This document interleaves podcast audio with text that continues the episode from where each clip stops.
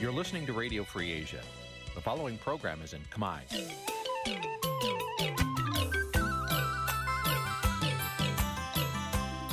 Nǐ chi càm bi tiệp xáy vệt chiu a zì sê នេះជាកម្មវិធីផ្សាយរបស់ Vithu Azisari ជាភាសាខ្មែរ វិទ្យុអាស៊ីសេរីសូមស្វាគមន៍លោកអ្នកនាងទាំងអស់ពីរដ្ឋធានី Washington នៃសហរដ្ឋអាមេរិក ខ្ញុំបាទទីនសាករិយាសូមជម្រាបសួរលោកនាងកញ្ញាទាំងអស់ជាទីមេត្រីខ្ញុំបាទសូមជូនកម្មវិធីផ្សាយសម្រាប់យប់ថ្ងៃសុក្រ9កើតខែបោះឆ្នាំថោះបញ្ញស័កពុទ្ធសករាជ2567ត្រូវថ្ងៃទី19ខែមករាគ្រិស្តសករាជ2024បាទជាដំបូងនេះសូមអញ្ជើញលោកនាងកញ្ញាស្ដាប់ព័ត៌មានប្រចាំថ្ងៃដែលមានមេត្តាដូចតទៅ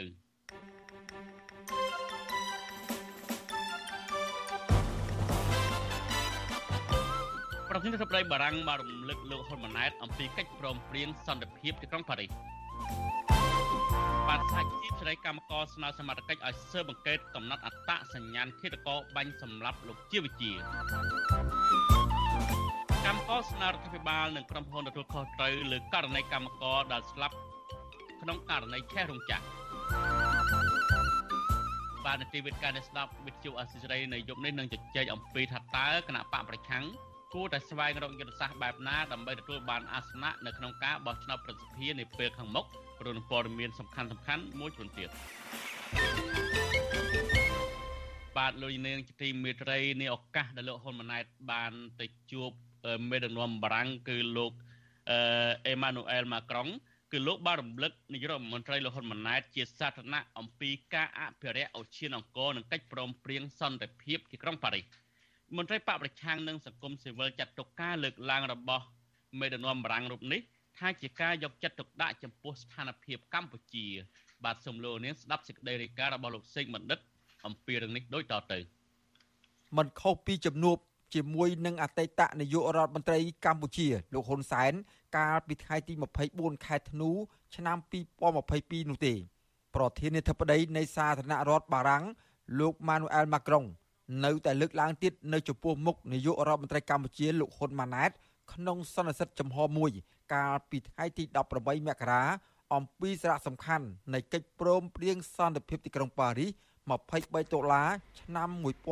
1991លើពីនេះទៀតលោកម៉ាក្រុងក៏បានរំលឹកលោកហ៊ុនម៉ាណែតតាក់ទងនឹងការអភិរក្សឧសៀនអង្គរដែរ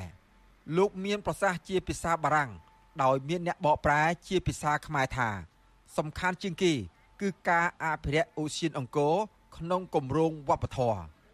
ភាសាបារាំងស្ទើរតែធម្មតាទៅហើយបាននាំឲ្យយើងបង្កើតគម្រោងវប្បធម៌ដែលសំខាន់ជាងគេនោះគឺការអភិរក្សឧទ្យានអង្គរក្នុងនោះបារាំងធ្វើជាសហប្រធានគណៈកម្មការអន្តរជាតិជាមួយជប៉ុនហើយនៅក្នុងទីនេះខ្ញុំសូមថ្លែងអរគុណចំពោះសម្ដេចចំពោះទំនុកចិត្តដែលសម្ដេចផ្ដល់ជូនយើងខ្ញុំនៅរមណីយដ្ឋាននេះដែលមានតម្លៃអត់ឧបមាផ្នែកបេតិកភណ្ឌវប្បធម៌និងប្រវត្តិសាស្ត្រកម្ពុជាលោកម៉ាក្រុងថ្លែងបែបនេះ នៅស្របពេលដែលរដ្ឋាភិបាលកម្ពុជា តាំងពីដឹកនាំដោយលោកហ៊ុនសែន រហូតដល់លោកហ៊ុនម៉ាណែតជាកូន បានធ្វើយុទ្ធនាការបណ្ដេញប្រជាពលរដ្ឋជាង10000គ្រួសារចេញពីតំបន់អង្គរដោយបង្ខំឲ្យទៅរស់នៅតំបន់រុនតាឯកដោយគ្មានសំណងនិងគ្មានការយកចិត្តទុកដាក់ពីជីវភាពរបស់ពួកគាត់ឲ្យបានត្រឹមត្រូវនោះឡើយពាក់ព័ន្ធនឹងកិច្ចព្រមព្រៀងសន្តិភាពទីក្រុងប៉ារីសវិញប្រធានាធិបតីបារាំងមានប្រសាសន៍ថាបារាំង បានជួយអភិវឌ្ឍកម្ពុជាជាច្រើនដូចជាការជជែកជាមួយនឹងក្រុមហ៊ុនបារាំងជាច្រើនឲ្យទៅវិនិយោគនៅកម្ពុជានិងបានផ្ដល់ជំនួយដល់កម្ពុជាជាបន្តបន្ទាប់ក្រោយពេលមានកិច្ចព្រមព្រៀងសន្តិភាពទីក្រុងប៉ារីសឆ្នាំ1991 ដោយនៅតែអង្រួនចិត្តដោយចំណងចង់បង្ខិតប្រទេសយើងទាំងពីរឲ្យនៅជិតគ្នាតាំងពីបានចុះកិច្ចព្រមព្រៀងក្រុងប៉ារីសនៅឆ្នាំ1991ប្រទេសបារាំងបានជួយជ្រោមជ្រែងកម្ពុជាក្នុងការអភិវឌ្ឍដែលទទួលបានលទ្ធផលដ៏អស្ចារ្យដែលយើងអាចមានមោទនភាពដូច្នេះទស្សនកិច្ចរបស់សម្ដេចគឺជាឱកាសមួយដើម្បីបង្កើតគម្រោងថ្មីថ្មីទៀតជាមួយក្រុមហ៊ុនយើងខ្ញុំហើយដែលសម្ដេចមានឱកាសបានជជែកផ្លាស់ប្ដូរយោបល់ជាមួយក្រុមហ៊ុនជាច្រើនជាពិសេសក្នុងវិស័យធម្មពលដឹកជញ្ជូននិង Nous allons aborder vos priorités pour vous លោកហ៊ុនម៉ាណែតបានថ្លែងទទួលស្គាល់ និងចងចាំនៅទួលនីតិរបស់ប្រទេសបារាំងដែលបានសម្រេចនៅកិច្ចព្រមព្រៀងទីក្រុងប៉ារីសឆ្នាំ1991ដែលជាមូលដ្ឋានស្ដារនិងអភិវឌ្ឍសេដ្ឋកិច្ចប្រទេសកម្ពុជា ចាប់តាំងពីពេលនោះមកប៉ុន្តែលោកហ៊ុនម៉ាណែតមិនបានបង្ហាញសញ្ញាណាមួយក្នុងសន្ទរកថារបស់លោកដើម្បីដឹកនាំប្រទេសកម្ពុជាឲ្យស្របតាមខ្លឹមសារនៃកិច្ចព្រមព្រៀងសន្តិភាពទីក្រុងប៉ារីសនោះទេ ជាពិសេសការផ្សះផ្សាជាតិនិងការស្ដារលទ្ធិប្រជាធិបតេយ្យ ដែលប្រជាពលរដ្ឋខ្មែរទន្ទឹងរង់ចាំកម្ពុជាចងចាំជានិច្ចទទួលនីតិរបស់បារាំងនៅក្នុងនាមជាស្ថាបនិកនិងជាសហប្រធានសន្និសីទទីក្រុងប៉ារីសស្ដីពីកម្ពុជាដែលនាំទៅដល់សម្រេចបាននូវកិច្ចព្រមព្រៀងទីក្រុងប៉ារីសនៅឆ្នាំ1991ដែលជាការរួមចំណែកយ៉ាងសំខាន់របស់បារាំងនៅក្នុងការស្ដារនិងអភិវឌ្ឍសេដ្ឋកិច្ចជាតិតាំងពីពេលនោះមកតាមរយៈទីភ្នាក់ងារបារាំងសម្រាប់អភិវឌ្ឍ AFD ដែលបានធ្វើឲ្យកម្ពុជាក្លាយទៅជាប្រទេសមានចំណូលមធ្យមកម្រិតទាបនៅឆ្នាំ2015និងស្ថិតនៅលើមាគ៌ាឆ្ពោះទៅប្រទេសមានចំណូលខ្ពស់នៅឆ្នាំ2050តកតោនឹងរឿងនេះអនុប្រធានគណៈបកភ្លើងទៀននឹងធ្លាប់ជាតំណាងរាស្ត្រច្រើនអាណត្តិតាំងពីអាណត្តិទី1លោកសុនឆៃប្រាប់បទសុអាស៊ីសេរីនៅថ្ងៃទី19មករាថាប្រទេសហត្ថលេខីរួមទាំងប្រទេសបារាំងដែលជាសហប្រធានសម្ដែងការមិនពេញចិត្តចំពោះការអនុវត្តកិច្ចព្រមព្រៀងសន្តិភាពទីក្រុងប៉ារីនេះ ករណីមិនបានគោរពសិទ្ធិមនុស្សការមិនគោរពតាមគោលការណ៍ប្រជាធិបតេយ្យសេរីឲ្យបានត្រឹមត្រូវព្រមទាំងបច្ចុប្បន្នភាពនៃការបណ្ដេញប្រជាពលរដ្ឋចេញពីតំបន់អង្គរនៅខេត្តសៀមរាបដោយខ្វះការទទួលខុសត្រូវជាដើមអតីតតំណាងរាស្ត្ររូបនេះថាបើរដ្ឋាភិបាលសពថ្ងៃនៅបន្តនយោបាយមិនស្របតាមខ្លឹមសារកិច្ចព្រមព្រៀងសន្តិភាពទីក្រុងប៉ារីសអាចធ្វើឲ្យកម្ពុជា ប្រឈមនឹងផលវិបាកជាច្រើន ទាំងនយោបាយសន្តិសុខសង្គម និងសេដ្ឋកិច្ចហើយប្រទេសហត្ថលេខីនៅតែបន្តតាមដានការអនុវត្តរបស់រដ្ឋាភិបាលកម្ពុជាជានិច្ចស្ថានទូតប្រទេសមួយចំនួននៅទីក្រុងភ្នំពេញគេតែងព្រួយបារម្ភថាការគ្រប់គ្រងប្រទេសកម្ពុជាមិនស្របទៅតាមគោលការណ៍លទ្ធិប្រជាធិបតេយ្យនិងស្របទៅតាមកិច្ចព្រមព្រៀងទីក្រុងប៉ារីសអាចធ្វើឲ្យប្រទេសកម្ពុជានឹងនឹងទទួលនៅផលវិបាកច្រើនយ៉ាងទាំងផ្នែកសេដ្ឋកិច្ចទាំងផ្នែកសន្តិសុខសង្គម ដូច្នេះហើយបានគេតែជាប្រទេសហត្ថលេខីតែតែក្រើនរំលឹកអំពីការងារទាំងនេះបើទោះបីត្រូវការរំលឹកញឹកញាប់យ៉ាងណាក៏ដោយអ្នកនាំពាក្យសមាគមការពារសិទ្ធិមនុស្សអាត6លោកសឹងសានករណាប្រាប់បទសុអាស៊ីសេរីនៅថ្ងៃទី19មករាថាគឺជារឿងល្អដែលប្រធានាធិបតីបារាំងយកចិត្តទុកដាក់អំពីបញ្ហារបស់កម្ពុជាហើយបានក្រើនរំលឹកនាយករដ្ឋមន្ត្រីថ្មីកម្ពុជាឲ្យបានដឹងនិងពិចារណា ពីព្រោះបណ្ដាប្រទេសលោកសេរី នៅតែប្រកាន់ជំហរចង់ឃើញកម្ពុជាគោរពតាមកិច្ចព្រមព្រៀងសន្តិភាពទីក្រុងប៉ារីសក្រុងប៉ារីយើងដឹងហើយកិច្ចព្រមព្រៀងនោះយ៉ាងម៉េចគឺចង់ឲ្យប្រទេសកម្ពុជានឹងមានប្រជាធិបតេយ្យមានការគោរពសិទ្ធិមនុស្សដែលមានចែងនៅក្នុងនឹងអញ្ចឹងវាជារឿងមួយដ៏ល្អដែលបានលើកឡើងចំពោះរឿងរ៉ាវរបស់កម្ពុជាហើយរំលឹកទៅដល់កិច្ចព្រមព្រៀងទីក្រុងប៉ារីនេះហើយកម្ពុជាយើងប្រជាពលរដ្ឋយើងទាំងអ្នកនយោបាយកន្លងមក ក្រោយពីមានការបង្ហូរឈាមគ្នាហ្នឹងគឺយកកិច្ចព្រមព្រៀងទីក្រុងប៉ារីនេះជាគោលហើយយើងបាន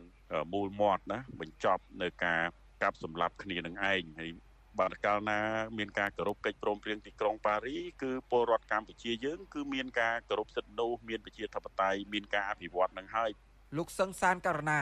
រំលឹកថា នៅមុនកិច្ចព្រមព្រៀងសន្តិភាពទីក្រុងប៉ារីប្រទេសកម្ពុជា មិនមានការជួយជ្រោមជ្រែងពីសហគមន៍អន្តរជាតិនោះទេលោកថាដូចជាប្រធានាធិបតីបារាំងលើកឡើងដែរថាការមូលមាត់គ្នាជ្រោមជ្រែងជួយប្រទេសកម្ពុជាដោយសារសហគមន៍អន្តរជាតិចង់ឲ្យមានការអភិវឌ្ឍស្ដារកម្ពុជាឡើងវិញមានការបោះឆ្នោតដោយយុត្តិធម៌ដែលរៀបចំដោយអ៊ុនតាក់កាលពីឆ្នាំ1993និងឲ្យកម្ពុជា មានលទ្ធិប្រជាធិបតេយ្យជាដើមនោះ គឺសុទ្ធសឹងតែជាសមិទ្ធផល ដែលកើតក្រោយកិច្ចព្រមព្រៀងសន្តិភាពទីក្រុងប៉ារីសដូច្នេះគប្បីលោកនាយករដ្ឋមន្ត្រីហ៊ុនម៉ាណែតពិចារណាអនុវត្តឲ្យបានត្រឹមត្រូវតាមខ្លឹមសារនៃកិច្ចព្រមព្រៀងសន្តិភាពនេះដើម្បីជាផលប្រយោជន៍របស់ប្រជាពលរដ្ឋខ្មែរនិងក៏បានមុខមាត់សម្រាប់រដ្ឋាភិបាលលោកផងដែរខ្ញុំបាទសេកបណ្ឌិតវិទ្យុអាស៊ីសេរីពីរដ្ឋធានីវ៉ាស៊ីនតោន បាទលោកទីមិត្តរី នៅក្នុងពេលដែលលោកហ៊ុនម៉ាណែតទៅបំពេញទស្សនកិច្ចនៅអឺរ៉ុបនិងបារាំងជុំមេនំបារាំងនេះលោកនាងបានដឹងហើយគឺកាលពីថ្ងៃម្សិលមិញហ្នឹងគឺបរដ្ឋខ្មែរនៅអឺរ៉ុបហ្នឹងបាតកម្ម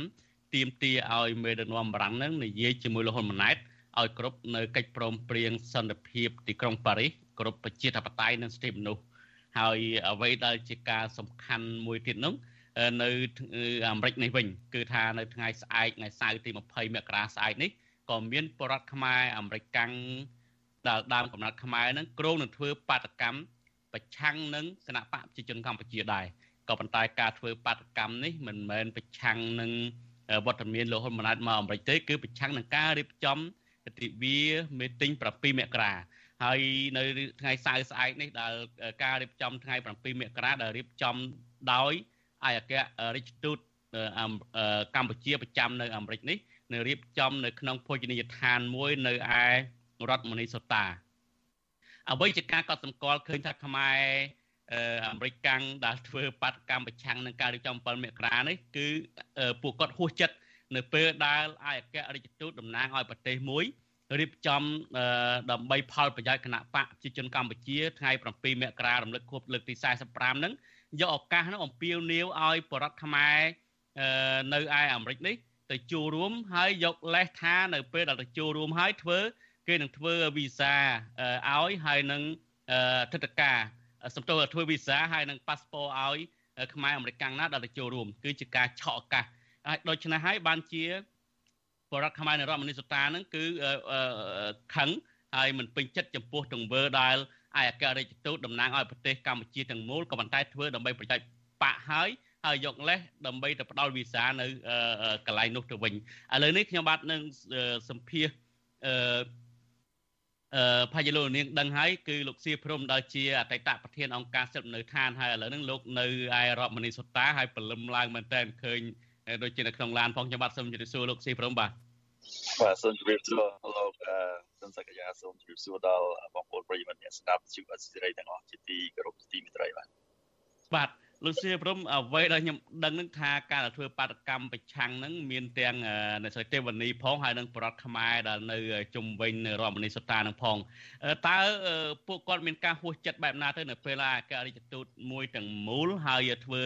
មេតិញ7មករានេះហើយយកការងាររបស់ខ្លួននឹងទៅ ភ្ជាប់ជាមួយនៅណាទៅចូលរួមហើយនឹងធ្វើវីសាឲ្យបែបនេះហើយមានផែនការបាតកម្មប្រឆាំងឲ្យបែបណាទៅបាទសូមចេញបាទអរគុណលោកសក្យាបាទមានមីងមីងពូពូដែលគាត់មានបជនច្រើន60 70អីឆ្នាំហើយគាត់ពេលឃើញស្រីជាដំណឹងប្រកាសឲ្យបងប្អូនជារដ្ឋខ្មែរអាមេរិកទៅធ្វើវីសាធ្វើទឹកតការហើយ ឆ្លៀតបោកបញ្ចូលស្ដាប់នៅមីទិញបាទមីទិញដែលគេធ្វើតែតែប្រកធ្វើទិវា7មករាដឹងគុណ7មករាទិវាជ័យជំនះរបស់គណៈបព្វជិជនអីនោះគឺថាយើងឃើញថាវាមីងមីងពូពូទាំងអស់ហ្នឹងគាត់មានការអាអន់ស្ពុនចិត្តនឹងថ្កោលទោសចំពោះទង្វើបែបនេះគឺជាការឆោបោកជាការកេងបន្លំនយោបាយ ដើម្បី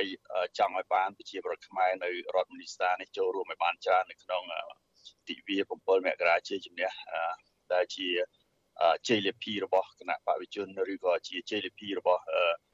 តកូលហ៊ុនដែលគាត់ទទួលបានលៀបសការៈជាច្រើនពី7មករានេះតាំងពីទៅពួកពូពូមីមីគាត់ដឹងគុណថ្ងៃ23តុលា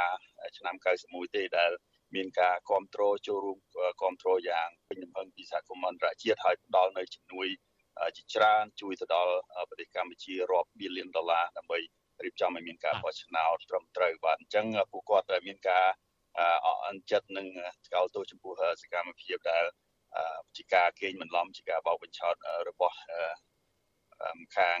គិរិយទូតមិនបានបែងចែកការងាររវាងការទូតរវាងរដ្ឋាភិបាលនិងគណៈបកយកមកច្បុកច្បល់ហើយ ប្រើប្រាស់នៅទឹកដីសហរដ្ឋអាមេរិកនេះដើម្បីផ្សព្វផ្សាយឬក៏លើកកម្ពស់អំពីអឺលទ្ធិកុម្មុយនីសឬក៏ផ្ដាច់ការគ្រួសារនិយមការបន្តការអំណាចពីឪពុកទៅកូននេះជារឿងមួយដែលអសិលធម៌ជារឿងមួយដែលអយុត្តិធម៌សម្រាប់គាត់មើលឃើញបាទបាទលោកសេព្រមខ្ញុំឡើងតើសួរចង់ដឹងរឿងពីបាតកម្មនេះភ្លេចសួរសតុកលោកចង់ងាកថយក្រោយបន្តិចចុះបាទ ឃើញនៅនៅនឹងឥឡូវនឹងយប់ផងហើយម៉ោងប្រហែលទៅនៅក្នុងបាទឃើញងងឹតហើយលោកហើយយើងនៅធ្វើដំណើរតាមផ្លូវផងនោះបាទបាទតាំងពីទៅនៅទីនេះគឺម៉ោង6:43នាទីព្រឹកហើយព្រឹកនៅពេលរដូវ winter នេះគឺនៅល្ងឹតណាបាទហើយបាទ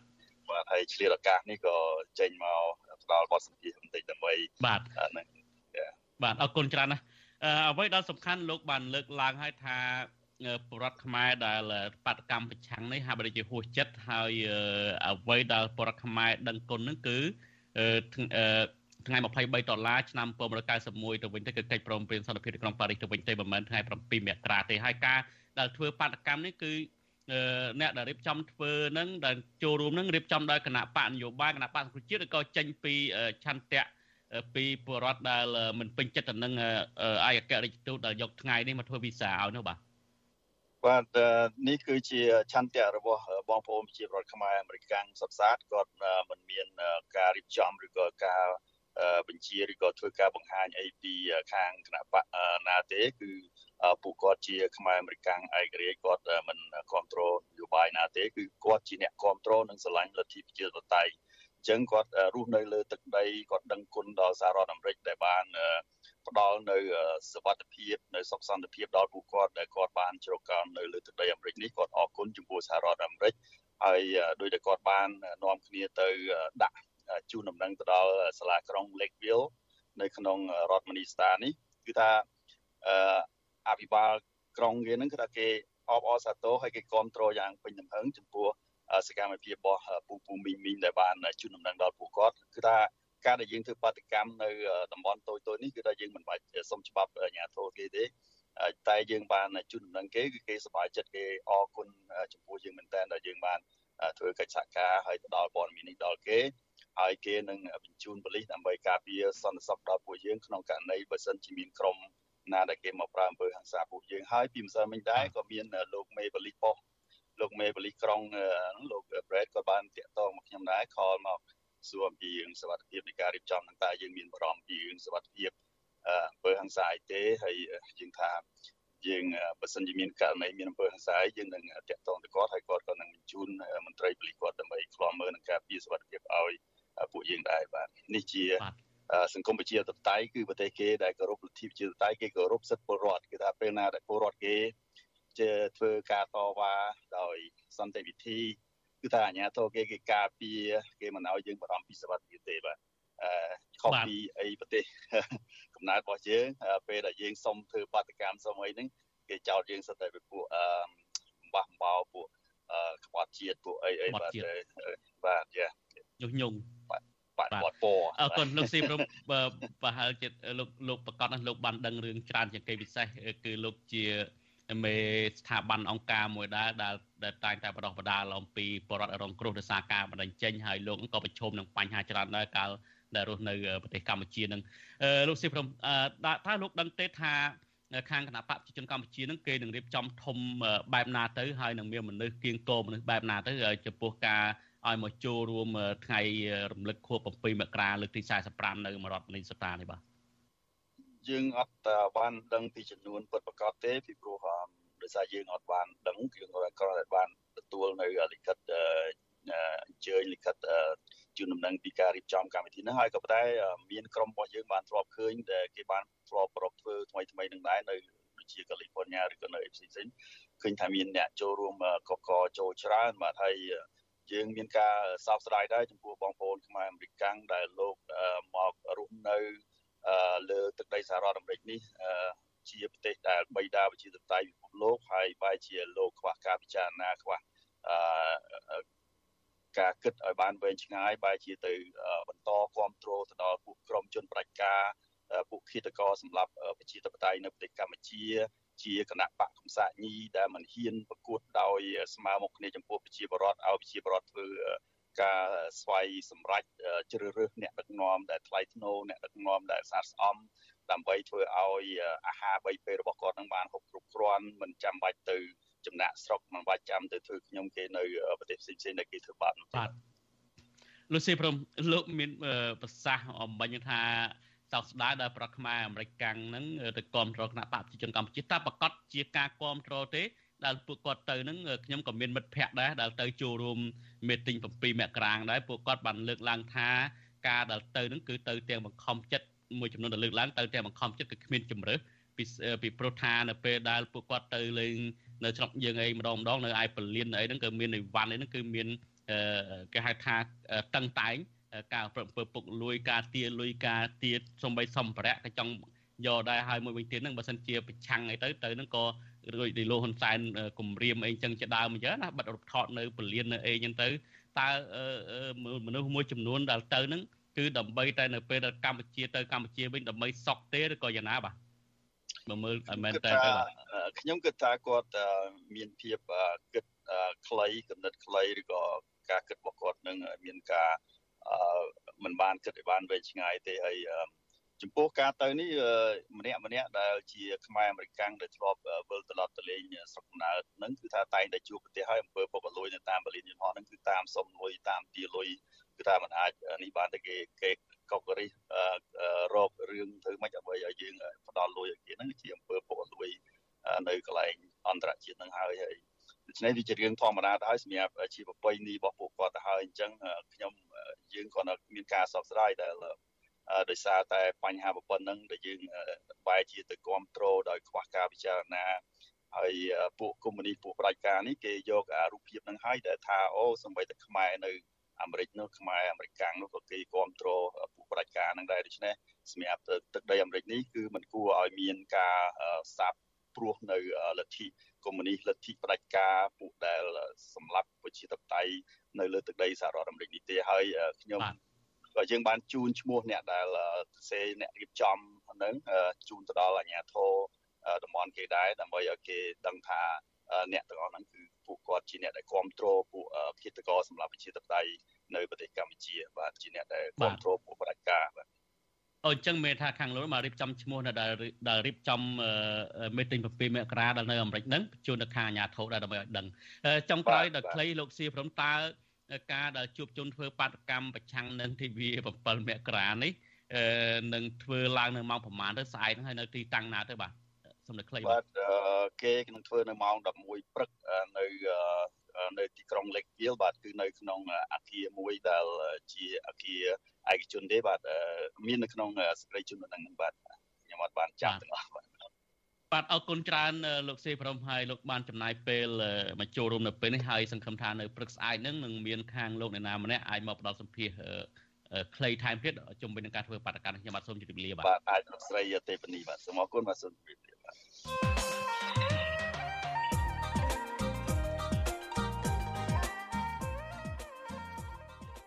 បាទលោកនាយទីមួយត្រីការបោះឆ្នោតប្រសិទ្ធភាពនឹងធ្វើឡើងនៅថ្ងៃទី25កុម្ភៈឆ្នាំនេះគណៈបកភ្លើងទៀននិងគណៈបកកម្លាំងជាតិ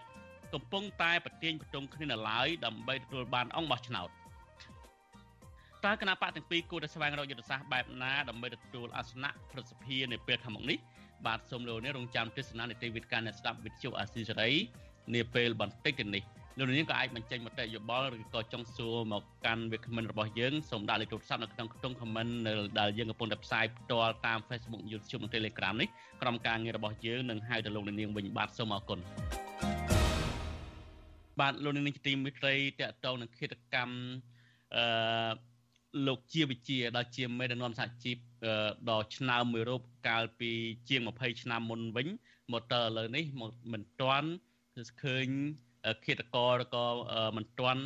រកយុទ្ធធរជូនក្រុមគឧសាររបស់លោកបានឡើយទេសហព័ន្ធសហជីពសេរីកម្មករនៃព្រះរាជាណាចក្រកម្ពុជាស្នើឲ្យអគ្គស្នងការនគរបាលជាតិជំរុញ ការស្រាវជ្រាវនិងស៊ើបអង្កេតកំណត់អត្តសញ្ញាណឃាតករដែលបាញ់សម្លាប់មេដឹកនាំសហជីពដ៏ល្បីល្បាញគឺលោកជាវិជា កាលពីជាង20ឆ្នាំមុនការបន្តទៀមទានេះគឺបន្ទាប់ពីសមត្ថកិច្ចមិនទាន់ចាប់ខ្លួនឃាតករនិងអ្នកជាប់ពាក់ព័ន្ធយកមកបដិសេធទៅនៅឡើយបាទសូមលោកនាងស្ដាប់សេចក្តីរាយការណ៍របស់កញ្ញាខណ្ឌលក្ខណៈអំពីរឿងនេះសហព័ន្ធសហជីពសេរីកម្មករនៃព្រះរាជាណាចក្រកម្ពុជា នៅតែស្នើឲ្យអគ្គស្នងការនគរបាលជាតិ ជំរុញការស្រាវជ្រាវស៊ើបអង្កេត កំណត់អត្តសញ្ញាណឃាតករដែលបាញ់សម្លាប់លោកជាវិជាអតីតប្រធានសហជីពសេរីកម្មករយកមកផ្ដន្ទាទោសដើម្បីផ្ដល់យុត្តិធម៌ដល់ក្រុមគ្រួសារសាច់ញាតិខណៈបច្ចុប្បន្នក្រមគ្រួសារនិងមិត្តភ័ក្តិជនរងគ្រោះនៅតែទន្ទឹងរង់ចាំពន្លឺយុតិធធយ៉ាងអន្ទះសា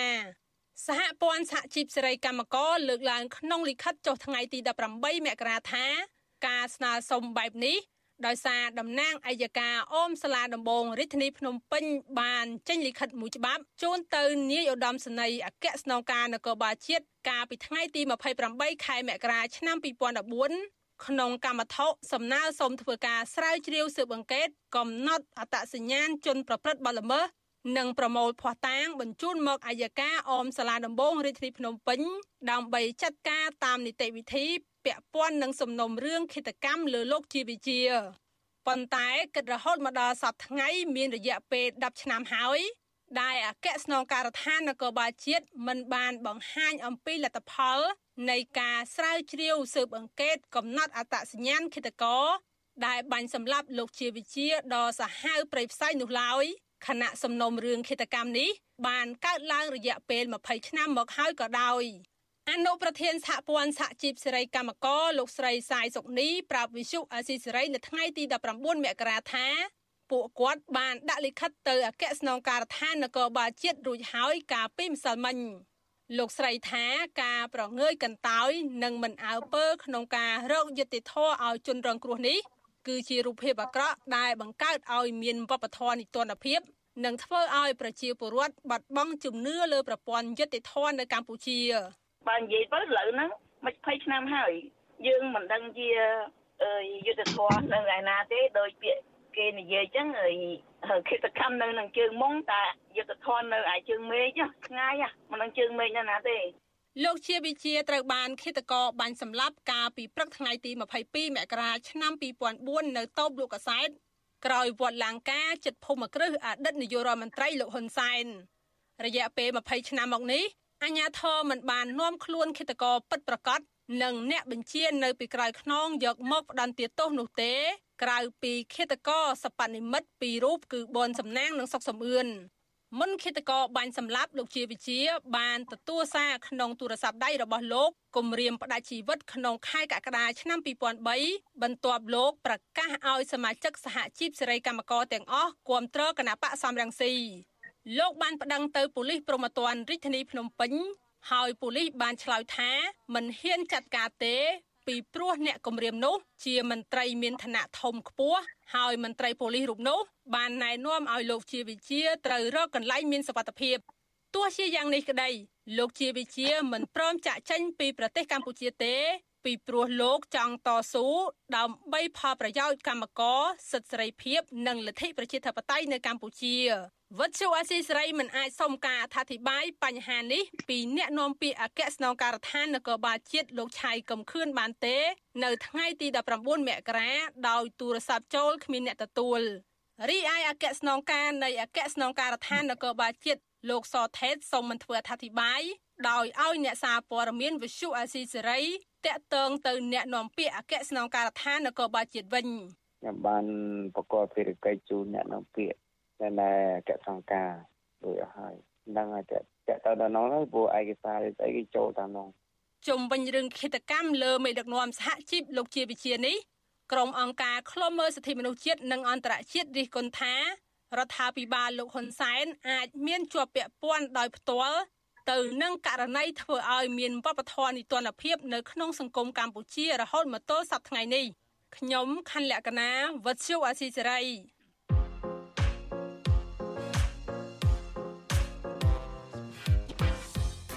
ខ្លួនឯងអះអាងថាប្រជាពលរដ្ឋខ្មែរយើង99%មានការងារធ្វើគេនិយាយឌឺដងស្បែកនឹងស្បែកនឹងវាវាវាវាមិនក្រាស់ក៏ចាប់គេដាក់គុកដែរបង្កើតបកណីចាប់គេដាក់គុកហើយក៏ធំអីធំអីក៏សម្បើម្លេះក៏មានគំនុំលើប្រជាពលរដ្ឋខ្មែរនឹងក៏សម្បើម្លេះក៏មានគំនុំលើ ប្រជាពលរដ្ឋខ្មែរដែលមានមតិផ្ទុយនឹងក៏សម្បើមិនក៏សម្បើម្លេះល្មមហើយសូអ្វីដែលបងនិយាយនឹងមិនបងនិយាយបញ្ចេញមតិតាមម្នាក់ឯងទេគឺថាប្រជាពលរដ្ឋខ្មែរយើងនៅក្នុងអ្នកប្រើប្រាស់បណ្ដាញសង្គម Facebook ហ្នឹងគេនិយាយពេញណាពេញណីហ្នឹង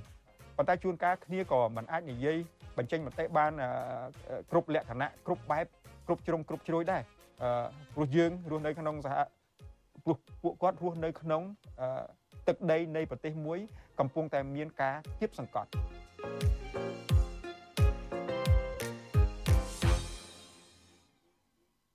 បាទលោកនេះទីមរិទ្ធសូមលោកនាងរងចាំទស្សនាកម្មវិធី podcast របស់វិទ្យុអសិរ័យនៅព្រឹកថ្ងៃសៅរ៍ស្អែកនេះហើយនឹងកម្មវិធីនេះនឹងចាក់ផ្សាយឡើងវិញនៅយប់ថ្ងៃច័ន្ទសប្តាហ៍សប្តាហ៍ក្រោយបាទលោកនាងទីមេត្រី មន្ត្រីសហជីពជំរុញឲ្យអាជ្ញាធរស៊ើបអង្កេតថកែរោងចក្រនិងទាមទារឲ្យថកែហ្នឹងមកទទួលខុសត្រូវករណីភ្លើងឆេះរោងចក្រកាត់ដេរមួយកន្លែងនៅខេត្តកណ្ដាលដែលបណ្ដាលឲ្យកម្មករម្នាក់ស្លាប់និងកម្មកររងរបួសស្រាលប្រមាណជា20នាក់ផ្សេងទៀតបាទសូមលោកនេះរងចាំស្ដាប់សេចក្តីរាយការណ៍នេះពិស្ដានៅក្នុងកម្មវិធីផ្សាយរបស់យើងនាព្រឹកស្អែកបាទលោកនេះទីមិត្តរីលោកនេះទៅបានស្ដាប់ព័ត៌មានប្រចាំថ្ងៃរបស់វិទ្យុអាស៊ីសេរីដែល ជម្រាបជូនដល់ខ្ញុំបាទទីនសាករិយាពីរដ្ឋធានី Washington សូមលោកនេះរងចាំទស្សនានីតិវិទ្យាអ្នកស្ដាប់វិទ្យុអាស៊ីសេរីនៅពេលបន្តិចទៀតនេះ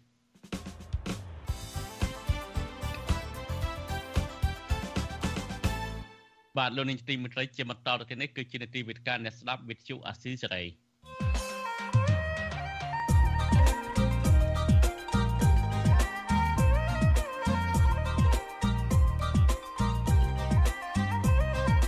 វេទិកាអ្នកស្ដាប់វិទ្យុអាស៊ីសេរី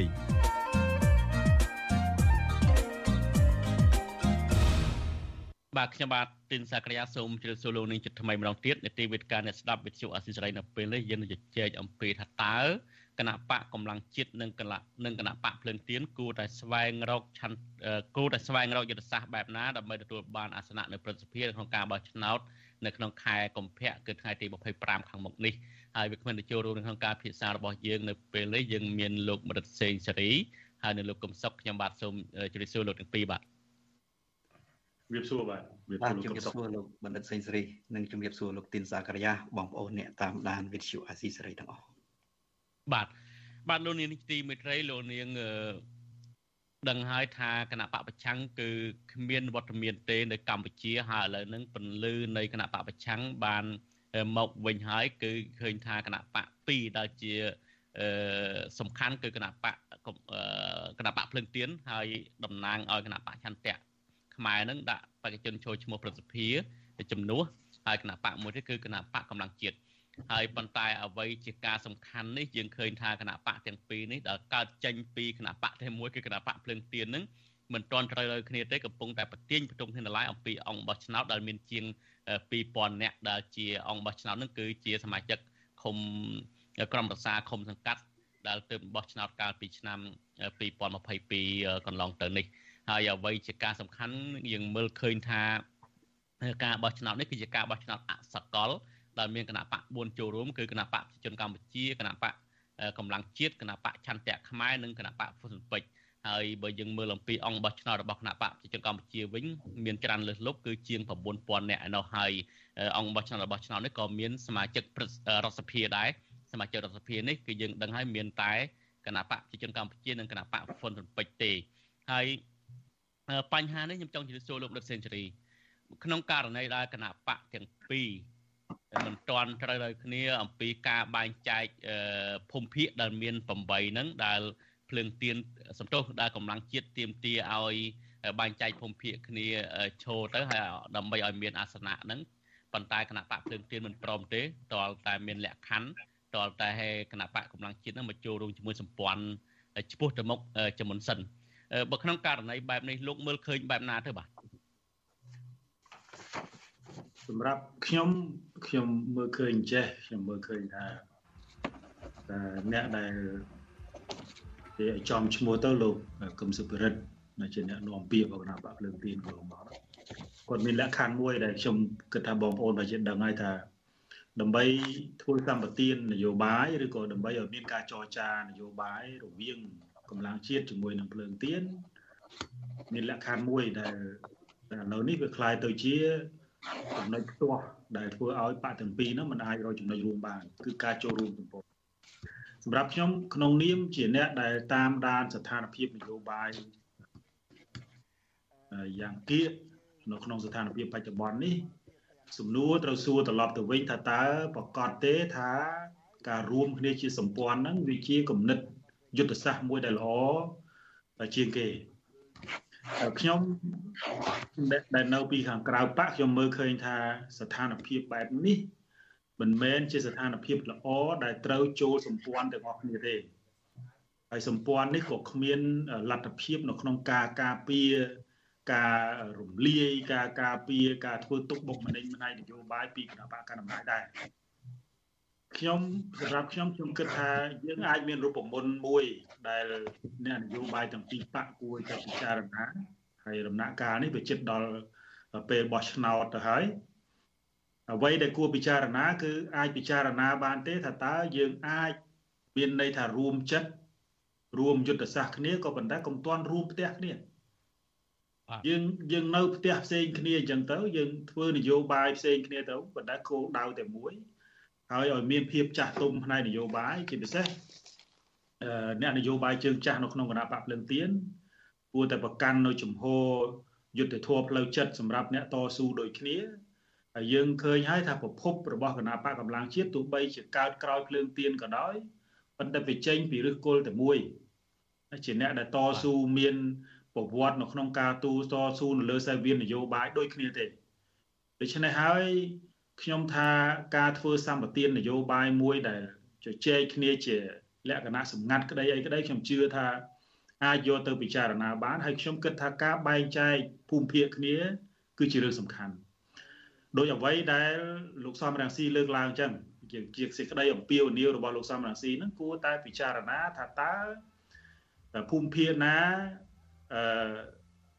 គណៈបកភ្លើងទៀនឈរភូមិភាគណាគណៈបកកម្លាំងជាតិឈរឲ្យទោះបីជាយើងចុះបញ្ជីហើយក៏ដោយក៏ប៉ុន្តែយុទ្ធសាស្ត្រខ្សឹបបន្តគ្នា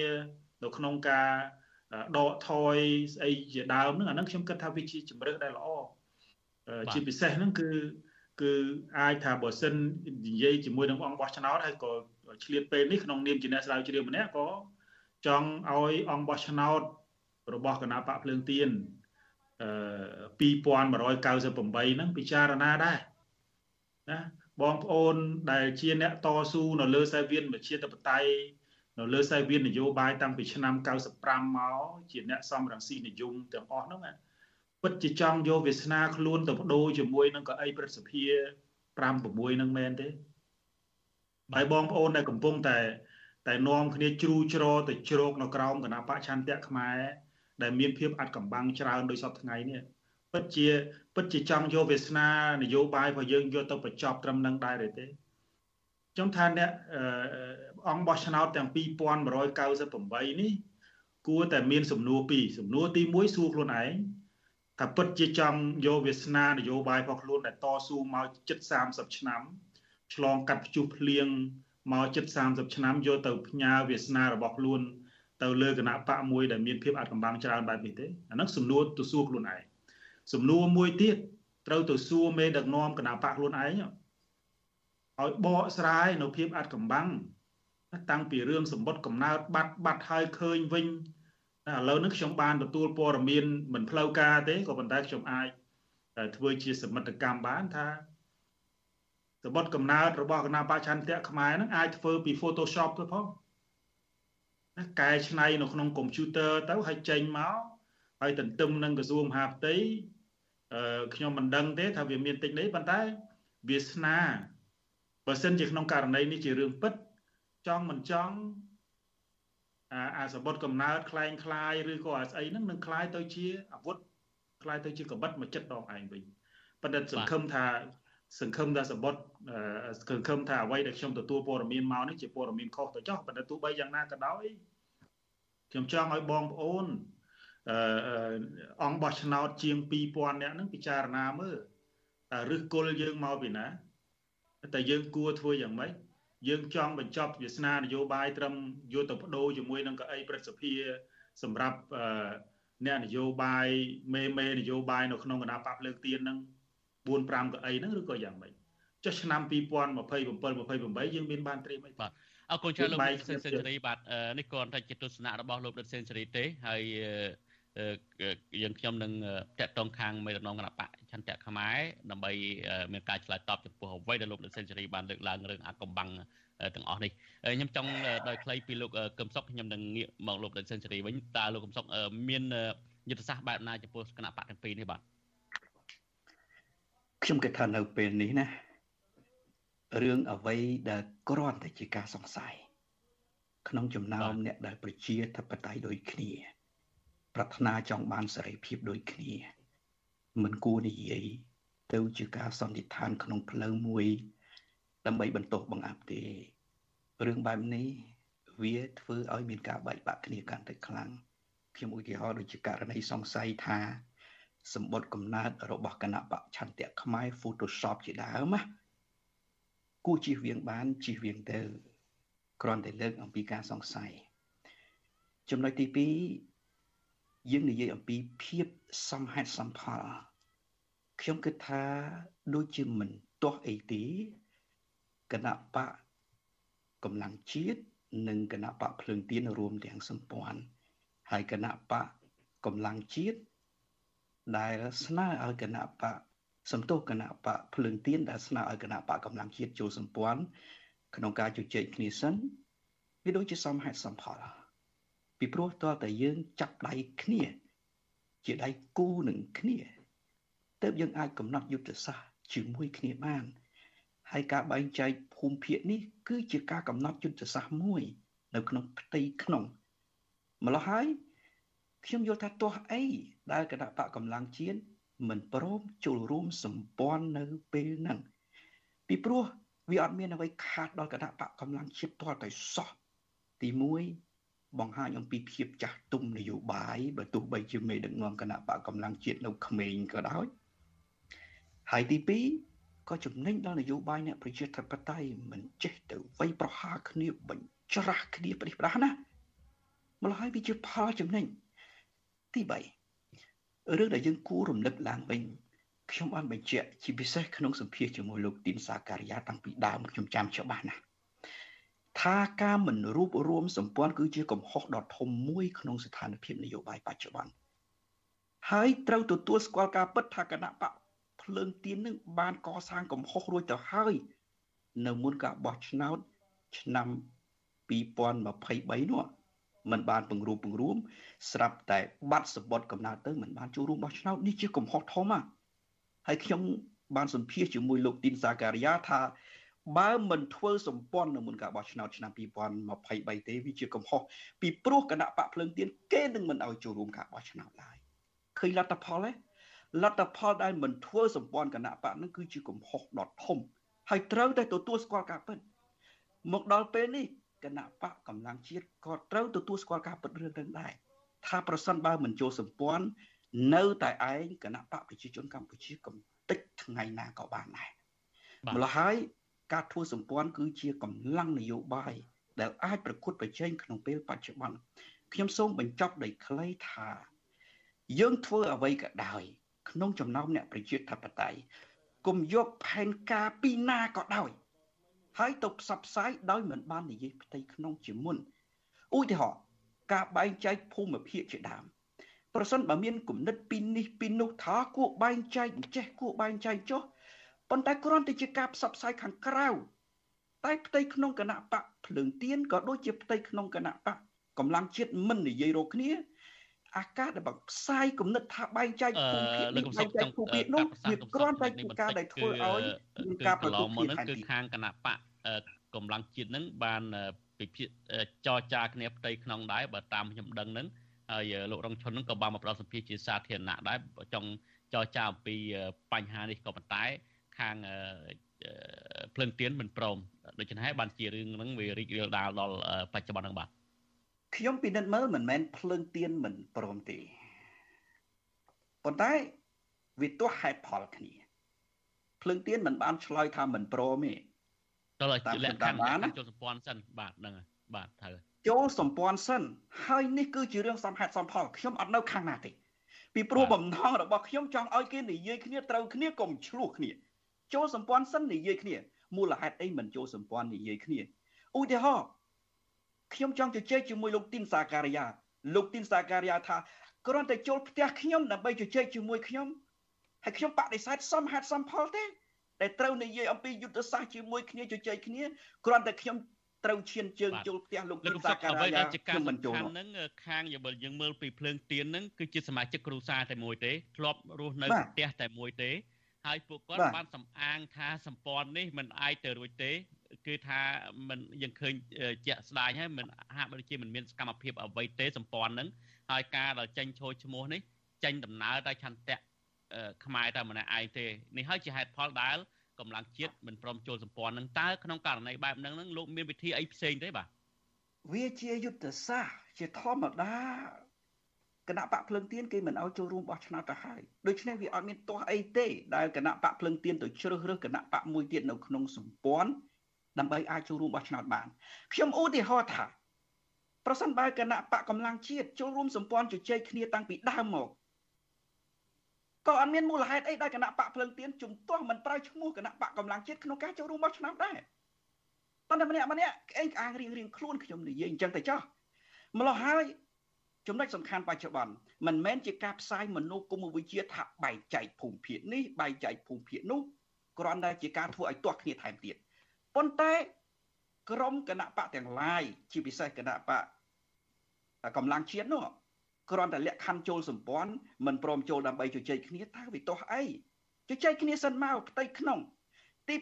2ក្នុងលក្ខខណ្ឌនយោបាយក៏ដោយលក្ខខណ្ឌច្បាប់ក៏ដោយសង្គមក៏ដោយ បើកាលណាជជែកគ្នាមិនត្រូវបែបនេះណាគេគួរណាស់ពិនិត្យឲ្យគណៈបកដើមគ្រប់គ្រងស្ថានភាពហ្នឹងសិនជាពិសេសគេឲ្យគណៈបកភ្លឹងទៀនគ្រប់គ្រងស្ថានភាពហ្នឹងសិនហើយហើយបន្ទាប់ពីស្ថានភាពបោះឆ្នោតបានគេជជែកគ្នាអំពីតម្រូវការនៃការធ្វើការជាមួយគ្នាខ្ញុំសូមបញ្ជាក់ណាខ្ញុំអត់ការពីនរណាទេខ្ញុំការពីតែដំណើរនៃការពង្រឹងភាពរឹងមាំ នៃលទ្ធិប្រជាធិបតេយ្យនៅប្រទេសកម្ពុជាប៉ុណ្ណោះហើយប្រសិនបើពួកគេជជែកមិនត្រូវគ្នារួចចេះតែដាក់សេណារីយ៉ូបែងចែកនេះបែងចែកនោះវាទៅជាថ្ងៃក្រោយចាំមើលលទ្ធផលអត់ល្អទាំងអស់គ្នាបាទអរគុណច្រើនលោកកំសុក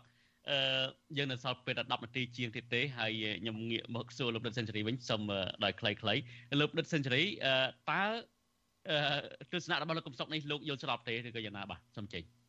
ខ្ញុំមិនឆ្លើយតបទៅនឹងលោកកំសុកទេប៉ុន្តែយើងខ្ញុំចង់ឲ្យពិចារណាចេះកលេចមើលប្រវត្តិសាស្ត្រឆ្នាំ1979នៅពេលដែលមានចលនាតស៊ូតាមព្រំដែន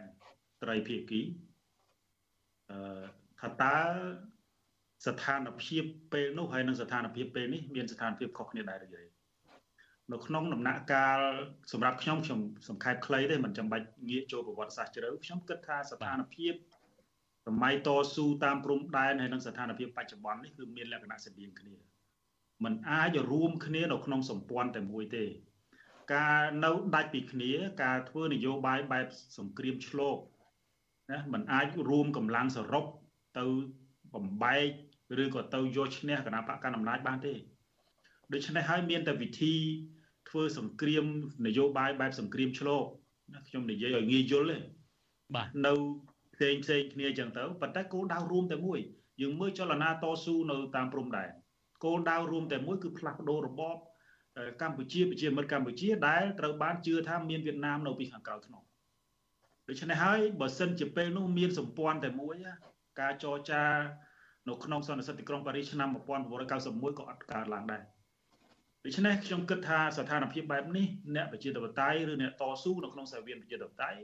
ដែលប្រកាសខ្លួនឯងតែអ្នកប្រជាធិបតេយ្យហ្នឹងគឺមិនគួរចូលទៅក្នុងកន្ត្រណាតែមួយទេហើយកន្ត្រតែមួយបច្ចុប្បន្ននេះប្រាប់ខ្ញុំខ្ញុំព្យាយាមស្វែងយល់អំពីដំណើរនៃការវិវត្តរបស់គណៈបច្ឆន្ទៈខ្មែរមានអាចកំបាំងច្រើនណាស់ដែលដែលពិបាកដែលពិបាកនឹងយកវាសនារបស់អ្នកតស៊ូនៅលើសាវៀនប្រជាធិបតេយ្យទាំងអស់នោះលោកប្រសិទ្ធតើអាកំបាំងនឹងអាកំបាំងយ៉ាងណាទៅតើហេតុអីបានជាលោកមិនអះអាងថា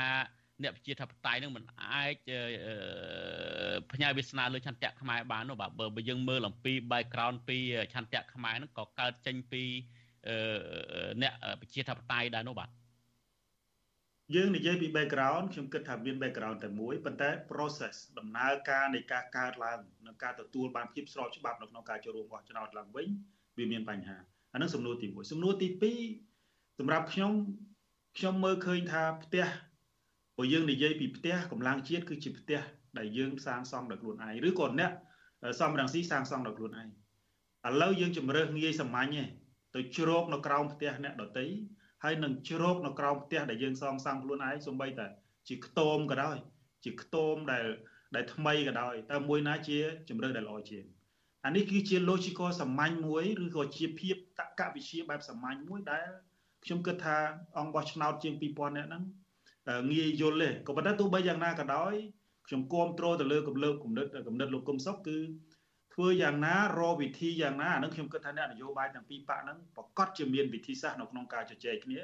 ខ្ញុំមិនជឿថាអ្នកនយោបាយ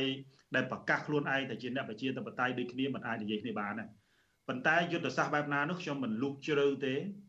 តែខ្ញុំជឿថាមានតែការធ្វើសម្បទាននយោបាយ ការបែងចែកនៅផលប្រយោជន៍នយោបាយនៅក្នុងដំណាក់កាលបែបនេះ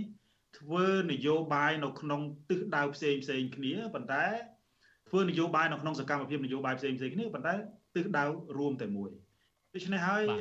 ជំរើសនៅក្នុងការចូលទៅចូលទៅក្នុងសម្ព័ន្ធសិនភ្លើងទៀនយកលក្ខខណ្ឌថាចូលសម្ព័ន្ធសិនបាននិយាយគ្នាមិនមែនមានន័យថាយើងទៅដើម្បី ដើម្បីយើងអាចចរចាគ្នាបានយើងទៅអង្គុយផ្ទះអ្នកហ្នឹងទៅអង្គុយដើម្បីចរចាហាងកាហ្វេមានតើអានេះឧទាហរណ៍សាមញ្ញមួយទេលោកប្រសិទ្ធសេរីខ្ញុំបើតាមខ្ញុំយល់លោកមិនគាំទ្រទស្សនៈលោកកំសុកឲ្យនៅកន្ត្រកតែមួយទេហើយលោកលើកឡើងថាឲ្យនៅផ្សេងផ្សេងគ្នាបើយើងមើលអំពីឆន្ទៈខ្មែរហើយនឹងឆន្ទៈខ្មែរនិងកម្លាំងជាតិឬក៏ភ្លើងទៀនហ្នឹងមិននៅឥឡូវហ្នឹងមិននៅផ្សេងគ្នា ហើយការទៅចូលរួមប្រកួតប្រជែងហ្នឹងគឺមិនប្រកួតប្រជែងដើម្បីចង់បានអាសនៈនៅក្នុងប្រសិទ្ធភាពដូចគ្នាហើយពួកគាត់ទាំងពីរហ្នឹងគឺមានទិសដៅដូចគ្នាដើម្បីប្រជាធិបតេយ្យដូចគ្នានឹងមិនល្អមិនចឹងហ៎បាទខ្ញុំក៏អត់ទាន់យល់អ្វីដែលលោកសារការការការយ៉ាប់យល់ខ្ញុំចង់សួរថាលោកបានលើកឡើងថាអ្នកប្រជាធិបតេយ្យនឹងគួរតែមិនគួរនៅកន្ត្រកតែមួយនៅផ្សេងផ្សេងគ្នាអញ្ចឹងឥឡូវនឹងឆន្ទៈខ្មែរមកនៅផ្សេងហើយកម្លាំងជាតិមកនៅផ្សេងអញ្ចឹងមិនមិនជារឿងល្អ អាហ្នឹងហើយដែលខ្ញុំដែលខ្ញុំចង់លើកឡើងថាក្នុងសម្ព័ន្ធ4គណៈបកនេះអូខេទៅជាសម្ព័ន្ធតែមួយហើយណាប្រើប្រាស់ឆន្ទៈខ្មែរឬក៏យកឆន្ទៈខ្មែរជាជំរកហើយអ្វីដែលខ្ញុំតាមដានទទួលបានហ្នឹងគឺថ្ងៃស្អែកនេះថ្ងៃស្អែកនេះគឺជាថ្ងៃដែលនឹងធ្វើសមាជហើយចង់មិនចង់ក៏ប្រហែលជា ក៏ប្រហែលជានឹងនាំទាំងអចិន្ត្រៃយ៍របស់ភ្លើងទៀននាំទាំងអ្វីទាំងអស់របស់ភ្លើងទៀនហ្នឹងចូលទៅជ្រោកនៅក្រោមផ្លាក់ឆន្ទៈខ្មែរតែម្ដងបើសិនជាក្នុងករណីទៅតាមសេណារីយ៉ូបែបនេះបានណាខ្ញុំហ៊ានធ្វើការសន្និដ្ឋានថាមេដឹកនាំគណៈបកភ្លើងទៀនកំពុងតែប្រើយុទ្ធសាស្ត្រជីក្បីចម្លងផុសមានន័យថាខ្ចីឈ្មោះភ្លើងទៀនយកមកប្រើដើម្បីឲ្យមានសម្លេងនៅក្នុងការគ្រប់គ្រងឃុំសង្កាត់បន្ទាប់មកទៀត ធាក់ភ្លើងទៀនចោលហើយទៅជ្រោកក្រោមបកណាមួយប៉ុន្តែខ្ញុំមើលទៅទោះបីជាយុទ្ធសាស្ត្រជីក្បីចម្លងផុសក៏ដោយក៏ប៉ុន្តែក៏ជាការធ្វើអត្តឃាតអត្តឃាតនយោបាយមួយដ៏គ្រោះថ្នាក់ដែរបាទបាទ បាទនឹងយើងនឹងចាំមើលតទៀតការដែលគណៈបកកម្លាំងជាតិនិងភ្លើងទៀនចូលរួមប្រកួតគ្នានេះដោយសារតែអាសនអង្គបោះឆ្នោតមានជាង2000នាក់ហើយមាន8ភូមិភាគហ្នឹងគឺការឡាយចូលទាំងពីរហ្នឹងគឺគណៈបកទាំងពីរការបែងចែកអាសនៈហ្នឹងមិនគ្រប់ក្រមគ្នាហើយចុងក្រោយទៅសម្លេងបានលើគណៈបកប្រជាកម្ពុជាទាំងអស់ដូច្នេះហើយបានជាខាងកម្លាំងជាតិនៅទីមទាការបែងចែកភូមិភាគដោយសារយើងនៅសល់ពេលវេលាខ្លី ខ្ញុំសំទោសលោកកំសុកផងមិនចង់បានឆ្លើយតបទៅលោកសេនស៊ូរីវិញប៉ុន្តែខ្លីពេកខ្ញុំចង់ងាកទៅរឿងមួយទៀតដែលគួរចាប់អារម្មណ៍ថ្ងៃនេះដែរចង់សួរលោកទាំងពីរដែរអ្វីដែលសំខាន់ហ្នឹងងាកទៅរឿងរឿងលោកហ៊ុនសែនវិញនៅ3ម៉ោងមុនហ្នឹងលើ Facebook របស់លោកហ្នឹងលោកបានសរសេរដូចជាប្រតិកម្មទៅលោកដិតសេនស៊ូរីគឺពិសេសគឺសំដៅទៅលើទៅលើលោកសំរងស៊ីតែម្ដងទោះបីជាលោកមិនបានបញ្ចេញឈ្មោះក៏ដោយលោកបានលើកឡើងថាអឺលោកបានដាក់ជាសំណួរថាបើ អំណាចរបស់លោកហ៊ុនម៉ាណែតហ្នឹងគឺផ្អែកទៅលើលោកហ៊ុនសែនចុះបើលោកហ៊ុនសែនស្លាប់ហ៊ុនម៉ាណែតនឹងចប់ក៏ប្រតិកម្មទៅនឹងអ្វីដែលលោកហ៊ុនសំរងស៊ីបានលើកឡើងហើយក៏សួរវិញថាចុះបើហ៊ុនសែននៅរស់20ឆ្នាំទៅ30ឆ្នាំទៀតតើក្រុមប្រឆាំងនឹងទៅច្រកនៅទីណាចឹងសួរលោកកំសុកមុនចុះបាទខ្ញុំឆ្លើយដោយខ្លីខ្ញុំសួរទៅវិញថាចុះបើលោកហ៊ុនសែនឬក៏សម្ដេចហ៊ុនសែនមាន ជននាយុ20ឆ្នាំទៀត គាត់នៅតែបន្តនយោបាយបំផ្លាញកម្ពុជា ធ្វើទុកបុកម្នេញប្រជាពលរដ្ឋខ្មែរហើយមិនគិតឃើញធ្វើបុណ្យជូនប្រទេសជាតិខ្លះទេឬក៏អីនេះទី1ណាបាទទី2ការវិប្រហារលើកលោកសំរាំងស៊ីមែនតែនទៅវាមិនមែនជាករណីលោកសំរាំងស៊ីតែមួយមុខទេនិយាយឲ្យចំសាច់រឿងគឺជាការបង្កអសន្តិសុខ នៅក្នុងសង្គមខ្មែរខ្ញុំសួរទៅសម្ដេចហ៊ុនសែនវិញថាបើគាត់បង្ហាញទៅទស្សនវិស័យបង្កអសន្តិសុខធ្វើទុកបុកម្នេញប្រជាពលរដ្ឋខ្មែរអ្នកនយោបាយខ្មែរជាតិឯងអញ្ចឹងគាត់ខំឲ្យកូនគាត់ដើរទៅសហគមន៍អន្តរជាតិដើម្បីទៅផ្សព្វផ្សាយថាតាក់ទាញអ្នកវិនិយោគធ្វើអីពីព្រោះភាសាដែលបង្កអសន្តិសុខគឺជាសត្រូវនៃអ្នកវិនិយោគត្រឹមត្រូវ នៅក្នុងពិភពលោកគ្មានអាណាទៅរកស៊ីនៅប្រទេស ដែលមានការគម្រាមកំហែងអសន្តិសុខពីមេដឹកនាំកម្ពុជាបែបដូចនេះទេនិយាយអំពីការបង្រួបបង្រួមខ្ញុំសូមនិយាយដោយខ្លីបន្តិចទៅចោះការបង្រួបបង្រួមនេះយើងនិយាយឲ្យចាំណាការចងសម្ព័ន្ធមិនមែនជាការដាក់នៅក្នុងកន្ត្រកតែមួយទេ ពាក្យថាសម្ព័ន្ធគឺជាការសហការគ្នាគណៈបកផ្សេងផ្សេងនៅមានអធិបតេយ្យផ្សេងផ្សេងគ្នាដដែលសហការគ្នា ដើម្បីធ្វើកិច្ចការរួមហើយលោកបណ្ឌិតសេងសេរីខ្ញុំអរគុណដែលគាត់រំលឹកអំពីសម័យតស៊ូប៉ុន្តែកុំភ្លេចថាសម័យតស៊ូមានពាក្យមួយរដ្ឋាភិបាលត្រីភាគីនងហើយគឺជាសម្ព័ន្ធខាងខ្មែរក្រហម ខាងសម្ដេចសឿនសានហើយខាងហ៊ុនស៊ិនពេជ្ររបស់សម្ដេចព្រះនរោត្តមសីហនុហើយដោយសារតែសម្ព័ន្ធនឹងហើយ ដែលមានរឿងមួយនៅមុនការបោះឆ្នោតឆ្នាំ1993នៅពេលដែលសម្ដេចសឿនសាន បារម្ភខ្លាចគណៈបកប្រជាធិបតេយ្យសេរីនិយមព្រះពុទ្ធសាសនារបស់លោកចាញ់គណៈបកប្រជាជន លោកសុកចិត្តប្រកាសឲ្យអ្នកគ្រប់គ្រងគណៈបកប្រជាធិបតេយ្យសេរីនិយមព្រះពុទ្ធសាសនានោះបោះឆ្នោតឲ្យគណៈបកហ៊ុនស៊ិនពេជ្រដើម្បីកុំឲ្យគណៈបកណាមួយនៃសម្ព័ន្ធនឹងចាញ់គណៈបកប្រជាជនកម្ពុជាធ្វើឲ្យកម្ពុជាធ្លាក់ទឹកអ្នកយកគំរូនឹងមកអនុវត្ត ខ្ញុំគិតថានៅពេលនេះបើនិយាយគ្នាមិនទាន់បានទេបើខ្ញុំជាមេដឹកនាំនៃគណៈបកកម្លាំងជាតិវិញណាសុកចិត្តប្រកាសឲ្យគណៈបកភ្លើងទៀនយកសិនទៅអានេះគឺជាទស្សនវិស័យនយោបាយវែងឆ្ងាយរួចបន្ទាប់ពីបោះឆ្នោតព្រឹទ្ធសភាចាំនិយាយគ្នាឡើងវិញអំពីការជជែកគ្នាដោយលោកបណ្ឌិតសេងសេរីមានប្រសាសន៍ខ្ញុំទទួលស្គាល់ថា យើងនៅឆ្លោះប្រកែកគ្នា ត្រឹមតែ សមាជិកព្រឹទ្ធសភាប្រមាណអ្នកឬយើងដើរអនាគតវែងឆ្ងាយ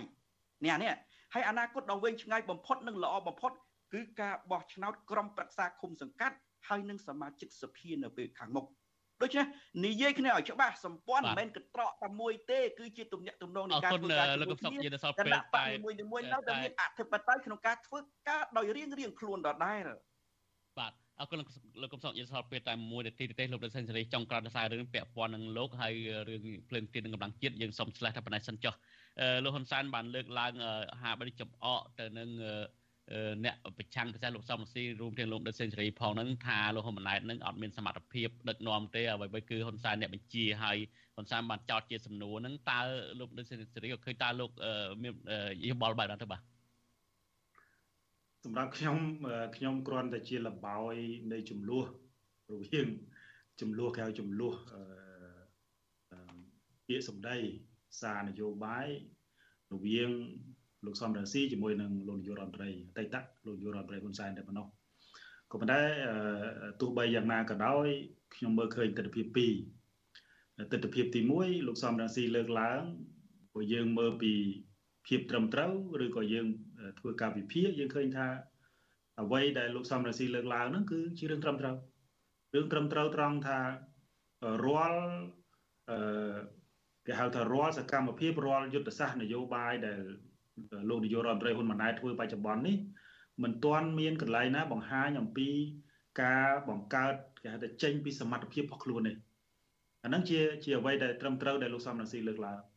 ក៏ប៉ុន្តែនៅក្នុងហ្នឹងបើយើងមើលមកកម្រិតទៀតយើងមើលឃើញថាលោកសំរងស៊ីក៏ហាក់ដូចជាគេហៅថាទទួលស្គាល់សមត្ថភាពលោកលោកហ៊ុនលោកអតីតនាយករដ្ឋមន្ត្រីហ៊ុនសែនដែរថានៅតែជាអ្នកនយោបាយខ្លាំងដែលដែលជាដៃគូរបស់គាត់មិនមែននៅលោកលោកនាយករដ្ឋមន្ត្រីហ៊ុនម៉ាណែតនៅតែមិនមែនជាដៃគូរបស់លោកសំលោកលោកសិនសេរីអ្វីដែលសំខាន់មួយទៀតហ្នឹងលោកហ៊ុនសែនបានដូចហាក់បីជាសម្រាប់ទៅហើយឲ្យកូនដឹកនាំហើយប៉ុន្តែនៅសុកសុកមកឆ្លើយ ប្រតិកម្មមួយលោកសំស៊ីតើលោកហ៊ុនសែនកំពុងភ័យព្រួយយ៉ាងណាឬក៏ដូចតើលោកសំស៊ីលើកឡើងដែរឬក៏យ៉ាងម៉េចបាទសូមខ្លីបាទខ្ញុំមិនដឹងថាគាត់កំពុងតែភ័យឬក៏យ៉ាងណាទេប៉ុន្តែខ្ញុំថាការសម្រាកពីនយោបាយរបស់លោកនាយករដ្ឋមន្ត្រីហ៊ុនសែនខ្ញុំថាមិនមែនជាការសម្រាករយៈពេលវែងទេហើយខ្ញុំគិតថាលោកនាយករដ្ឋមន្ត្រីហ៊ុនសែននឹងយកតំណែងប្រធានរដ្ឋសភា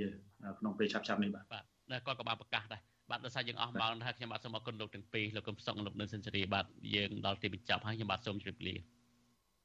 ជម្រាបលាបាទបាទលោកនេះទីមន្ត្រីការផ្សាយរបស់យើងដល់ទីបញ្ចប់ថាខ្ញុំបាទទីនសាករិយាសូមអរគុណលោកនេះដល់តែតែតាមដានទស្សនាការផ្សាយរបស់វិទ្យុអសិរ័យជារៀងរាល់ថ្ងៃសូមលោកនេះនាងរងចាំស្ដាប់កម្មវិធី podcast នៅព្រឹកថ្ងៃស្អែកហើយនឹងព័ត៌មានថ្មីថ្មីទៀតសម្រាប់ពេលនេះខ្ញុំបាទទីនសាករិយានិងសាករិយាសូមអរគុណសូមជម្រាបលា thank you